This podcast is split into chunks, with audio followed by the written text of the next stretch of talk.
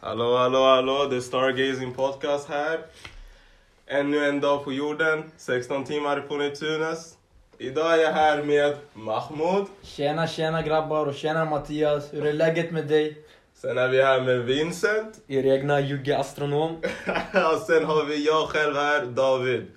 Och idag hade vi bestämt att analysera en speciell film som många astronomiälskare vad älskar. Kan ni berätta vad det är? Filmen heter Interstellar. Okej. Och jag ber om ursäkt till våra lyssnare, men om ni inte har sett den här filmen, då är det bara att kasta det långt som gäller. Eh, I filmen så pratas det om väldigt många fenomen som eh, många astronomiälskare förmodligen känner till eller vet om. Eh, Och några av de fenomenen ska vi diskutera idag i Stargazing Podcast. Vad ska Ja. du diskutera David? Så jag tänkte diskutera om gravitationsfält och lite om Einsteins relativitetsteori och hur den verkligen är viktig just i den här filmen. Och ni då? Jag ska, jag ska prata om också hur huvudkaraktären använder sig av ett svart håls gravitationskraft för att eh, putta sig fram till en helt annan planet då han hade slut på bränsle. Och sen ska jag in på femte dimensionen. Femte, en femte dimensionell värld liksom som kan skapas av en, ett maskhål. Ja, inte många Mm. som har hört om det. Eh, och jag kommer fortsätta på Mahmouds poäng där. Att eh, jag kommer förklara lite mer hur maskhål fungerar. Eh, hur femte dimensionen kan se ut i alternativa universum. Och lite kort förklara olika teorier som finns kring maskhål och hur det kan böja tid och rum. Men om vi börjar diskutera filmen lite kort då. Ja, jag kan förklara lite fi- för filmen om, till de som liksom inte sett den alls. Eller för folk som inte vet informationen som finns om den. Så Interstellar är en film från 2014.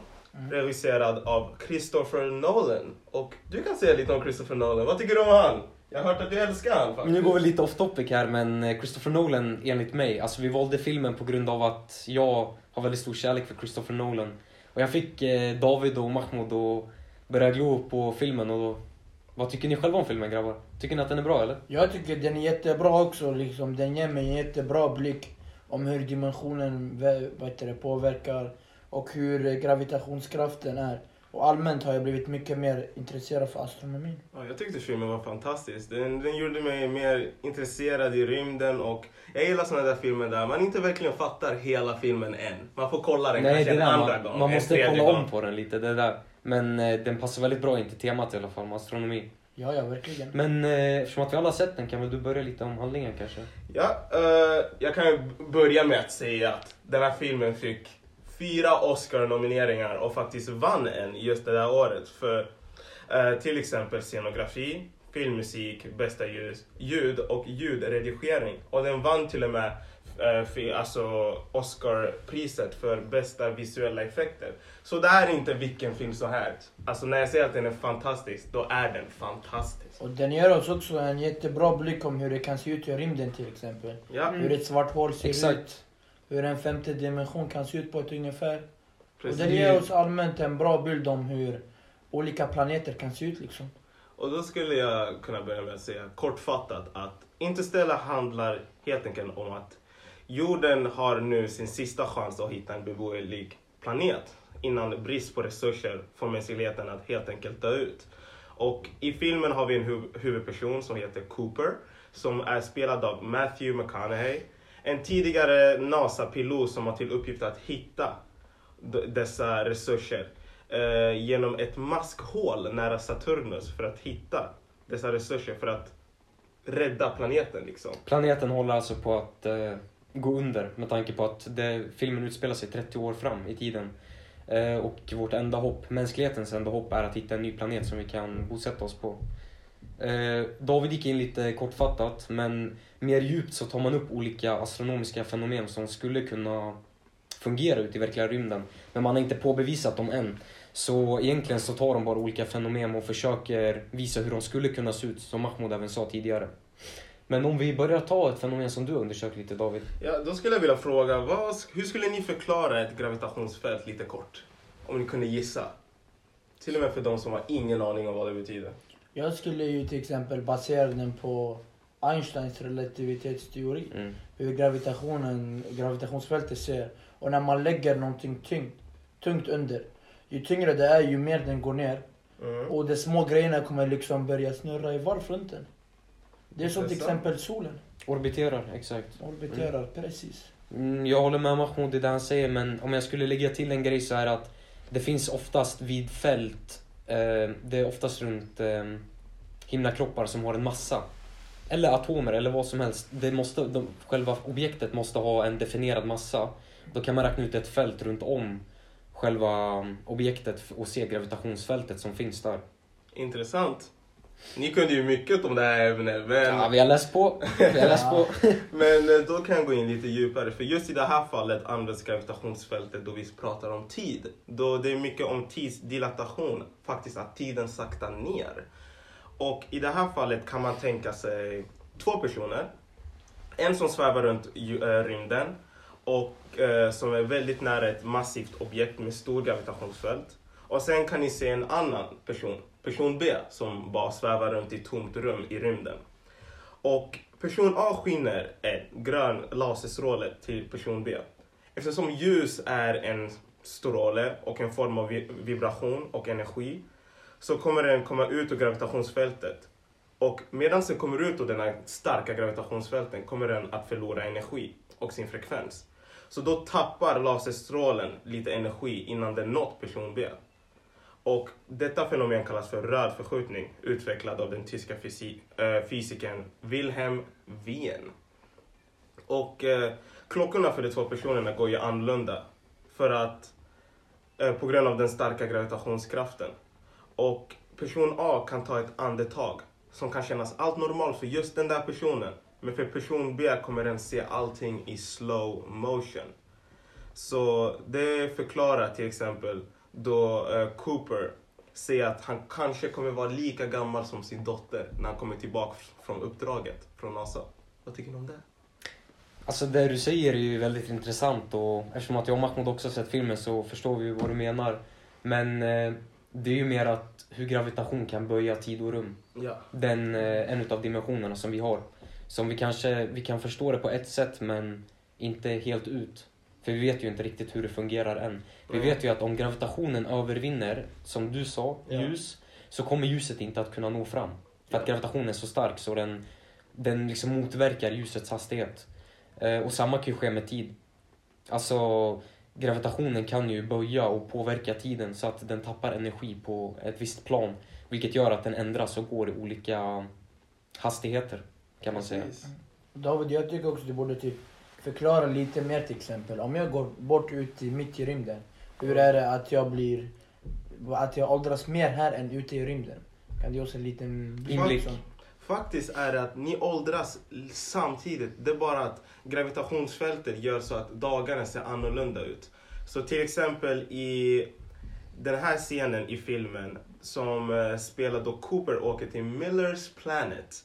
Som är faktiskt väldigt nära ett svart hål som heter Gargantua. Finns faktiskt inte, men det låter lite coolt i filmen. Men det är inspirerat av ett som finns på riktigt. Precis. Mm, så är det. Och eh, den här svarthålet Gargantua, eller som allmänna svart hål, den har gigantiskt starkt gravitationsfält.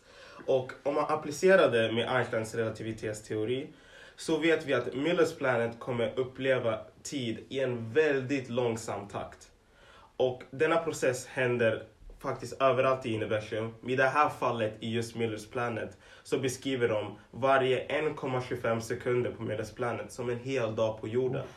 Då är det bara... Okej, då det bara är en film och, ja, film och vi försöker förstå liksom innebörden av det här fenomen. Det här skulle faktiskt kunna hända. Men just i det här alltså, fallet då vi snackar om ett svart hål. Vi som människor skulle troligen inte överleva så starkt Det är gravitationsfält. ju där vi inte vet. Ja. Det det Men också. dessa fenomen som används och vi kan genom den här filmen bevisa att dessa är faktiskt sant. Gör den här filmen så intressant. Ja. För Det finns inte Ja. något riktigt eh, facit att gå till Ja. och kolla på vad som stämmer eller inte. Och det som David säger, alltså vi, som man vet nu så skulle vi inte kunna överleva det. Men vi vet ju inte, vi kanske skulle kunna överleva på genom att, alltså, att påverkas av så hög gravitation så tiden ändras så pass mycket. Som David sa, 1,25 sekunder, vilket även visas i filmen, är en dag på, planet, eh, på jorden. Så det, det är svårt att säga och det är även det som gör det så intressant. För vi vet inte om det skulle gå eller inte.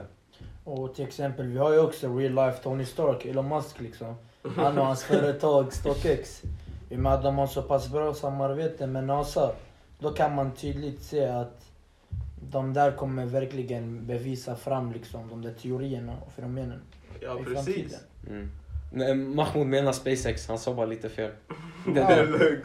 Det är ingen fara. Ingen fara, vi förstår vad han menar ändå. Så. Jag tänkte NASA och SpaceX samarbete menar jag. Jag går till min istället också. Huvudkaraktären Dr. Cooper, han försöker, vad heter det, han försöker escapa, eller rymma från en av planeten som orbiterar just den där svarta hålet Garancho i filmen. Den har en jättestor gravitationskraft som drar in allt nära sig. Cooper hade för lite bränsle för att rymma ifrån den här planeten. Detta ledde till att han inte kunde åka tillbaka till jorden eller hitta en annan potentiell beboelig planet. Så det han gjorde var att använda gravitationskraften till sin fördel genom att släppa av lite av massan på hans rymdskepp för att använda det som en slangbella för att skjutas iväg jätte- jättelångt. Och därför kommer, därför kommer han nå Edmunds planet som vi kommer diskutera senare under gången. Intressant, intressant. Och detta beror på relativiteten som beskrevs av den speciella relativitetsteorin av Albert Einstein. Där han, då den pratar om objekt färdas i samma storlek som hastigheten så kommer tiden att stanna. Senare skiljer han sig från den stora rymdfartyget för att rädda människorna på jorden. Han sugs in även i svarta hålet och överlever det vilda i en femdimensionell värld som har skapats av en utvecklad civilisation. Mm. Och den här utvecklade civilisationen, som inte benämns i filmen, kunde göra det där på grund av ett maskhål som Vincent kan förklara till oss. Ja, eh, maskhål. Eh, Mahmoud nämnde ju svarta hålet eh, Gargantua, vilket David också gjorde. Ja. Eh, om det skulle vara så att det finns en utvecklad civilisation som förstår sig på hur maskhål skulle fungera och hur andra dimensioner skulle kunna påverkas så skulle de kunna kontakta oss eh, från framtiden med tanke på att de kan böja tid och rum. Och det är exakt det ett maskhål även gör. Tänk dig att du har eh, ett papper ungefär. Ett papper, är bara ett rakt A4-papper. Och så drar du ett streck mm, från kant till kant och då ser du att det är, det är en viss sträcka eh, som har färdats med linjen som du har dragit. Men om du istället skulle vika pappret då skulle du eh, gå hälften av sträckan men du skulle, och det skulle även ta kortare tid eftersom att du går igenom rätt genom pappret. Och det är även så maskhål fungerar. Maskhål är eh, ett svart hål som inte har en singularitet i mitten. Alltså kan man inte klassa det som ett svart hål. Och anledningen till att maskhål fungerar är för att det finns negativ energi, inte positiv energi. Och den negativa energin har liksom åtkomsten att kunna böja tid och rum. Och det är även där filmen tar upp när han använder Gargantua och kommer till den femte dimensionen. Han kommer ju till ett jättestort bibliotek där han kan eh, kommunicera med bakåt i tiden. Han kommunicerar ju med sin dotter, eh, alltså Cooper, när hon är väldigt ung och försöker rädda henne och hjälpa henne från att eh, eh, hjälpa henne med att rädda planeten i form av morsekod. Eh, och det är även det som gör det väldigt intressant med maskhål. Att man även inte bara kan gå fram i tiden utan även bakåt i tiden. David, hur ser du på det här med maskhål? Jag tycker det här fenomenet är faktiskt sjukt att vi kan gå fram men bak samtidigt och bara använda gravitationsfält som din, i din fördel helt enkelt. Och det är liksom en galen tanke med alltså om man tar fenomenet som vi har just nu, som vi har till och med bevisat, då är det lite coolt att tänka att det här kan hända. Vi kan kanske kunna göra det framåt i tiden och använda det för att kanske gå fram och tillbaka i tiden. Ja, för mig låter det som en sån där uh, verklighetsbaserad tidsmaskin liksom. Ja. Hur man kan leka med tiden, gå fram och tillbaka. För att ändra vissa evenemang i in the I- past exakt. och i framtiden liksom. Mm. För att utveckla samhället så bra som möjligt. Och det är även där Carl Klein-teorin tar upp. Som eh, vi, vi vet ju, alltså vi vet ju inte riktigt men det, den teorin bygger mycket på att om det finns maskhål där man kan liksom böja på tid och rum så finns det förmodligen en femte dimension. Att det finns ett samband där. Gud vad sjuk tanke. För, alltså den här filmen är ju bara baserad 30 år framåt. Då kan vi tänka 30 år framåt för oss. Det, vi kanske har en Cooper som försöker rädda världen. Vi har ingen aning. Vem vet? Ja. Kanske våra, våra barn i framtiden kommer inte att överleva. Vår uppkommande generation kommer inte att överleva om det här är verklighetsbaserat liksom. Men sen vet vi inte om Sen det... kanske det finns du som är Cooper. Reser till femte dimensionen och kommunicerar med omvärlden bakåt i tiden. Om, det, om, jag var han, om jag hade varit Cooper hade jag kommunicerat direkt med Mattias liksom. Han hade räddat jorden för oss. Precis! Mattias, du får lära dig lite morsekod som man får lära dig. Alltså såna här intressen är ju perfekt att ha. Liksom, bara att ha ett intresse för att kunna göra en film som är baserad på så många fenomen. Då vet vi att det finns folk som är intresserade nog för att kunna göra det här sant. Så Ja. vi får hoppas för det bästa. Ja. Men apropå det här med... Eller fortsätt du Mahmoud. Ja, ingen fara. Vad heter det? Jag tänkte ju också de där just utvecklade civilisationer. Mm. De hade ju lyckats få en massa att färdas i samma hastighet som ljusets hastighet. Där fick de tiden att stanna liksom. Så det här kan vara också en bra faktor till masskonen liksom. Och hur den fungerar.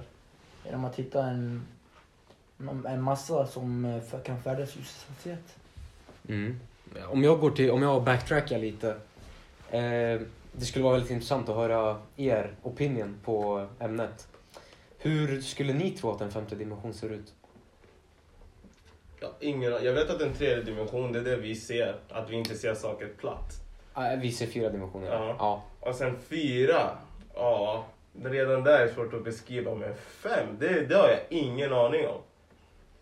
För det finns ju nu finns det ju tid. Det finns 2D, det finns 3D och det finns gravitation. Det är ju de liksom fyra dimensionerna man säger finns. Men hur skulle du se på en femte dimension? Hur Jag skulle säga kanske att man liksom kan se mer detalj. För det rena ögat kan vi inte se så jättemycket detalj liksom. Men jag tror ju med att det blir femdimensionellt kan man se mer detaljer liksom. Till exempel att man kan se protoner eller på atomnivå. Ja, ja absolut. Ja. Ja. Till exempel elektromagnetiska spektrumet kan vi se till en viss gräns bara. Med våra ögon. I och med att vi får femte dimension kanske kan vi se det där. Kan vi se mer av det verkliga som vi inte kan se. Jag tycker det skulle vara sjukt om vi skulle kunna se alla fenomen som sker medan vi bara pratar just nu. Det är säkert så mycket. Det är ju där, Ja. det är också där filmen tar upp, det är ju lite intressant att femte dimensionen gör ju så att du på sätt och vis skulle kunna se alla fenomen som sker. Med tanke på att du kan korsa tid. Sjukt. Jag, jag, Ja. jag, jag tror det skulle vara för mycket för mig att se, bara se gravitationen. Men, och tänk, dig, tänk dig i en femte dimension att du skulle kunna se gravitationsfält. Kanske. bara solens energi, strålar. eh, Eller även vad heter det, bakgrundsstrålning eller gammastrålning som, man, som kommer från rymden. Att man bara ser det med rena ögat liksom. Di- Dina ögon är Harps-metoden bror. Vem vet? Vem vet? Vem vet? Det kanske är så. Men eh, ja. Då kan jag ta reda med mina ögon liksom eh, hur länge en stjärna kommer överleva. Och sånt där. Precis. Det skulle ju ge väldigt stora liksom options för vår framtid. Speciellt när vi, alltså när vi vet att Mm. så som vi lever nu, det skulle inte vara hållbart. Och det är därför vi även väljer den här filmen, för vi tycker att det, vi, alltså, vi kanske inte är de som hittar lösningen på framtidens alla problem, men vi vill gärna vara kanske en liten del av det. Mm. Ja, ja absolut. Precis. Så, var det allt? Ja, alltså... Alltså som sagt, det som beskrivs i filmen är ju bara fenomen som... Eh, som inte kan, alltså de har inte bevisats, utan det är bara alternativa versioner av dem. Men om man kan få en liten eh, slutpoäng av dig David och Mahmoud. Vad, vad ni tycker om själva fenomenen och filmen. Jag skulle tycka, säger jag, den här filmen, som jag sa, fantastisk, sjuk. Man märker att uh, Christopher Nolan inte var själv.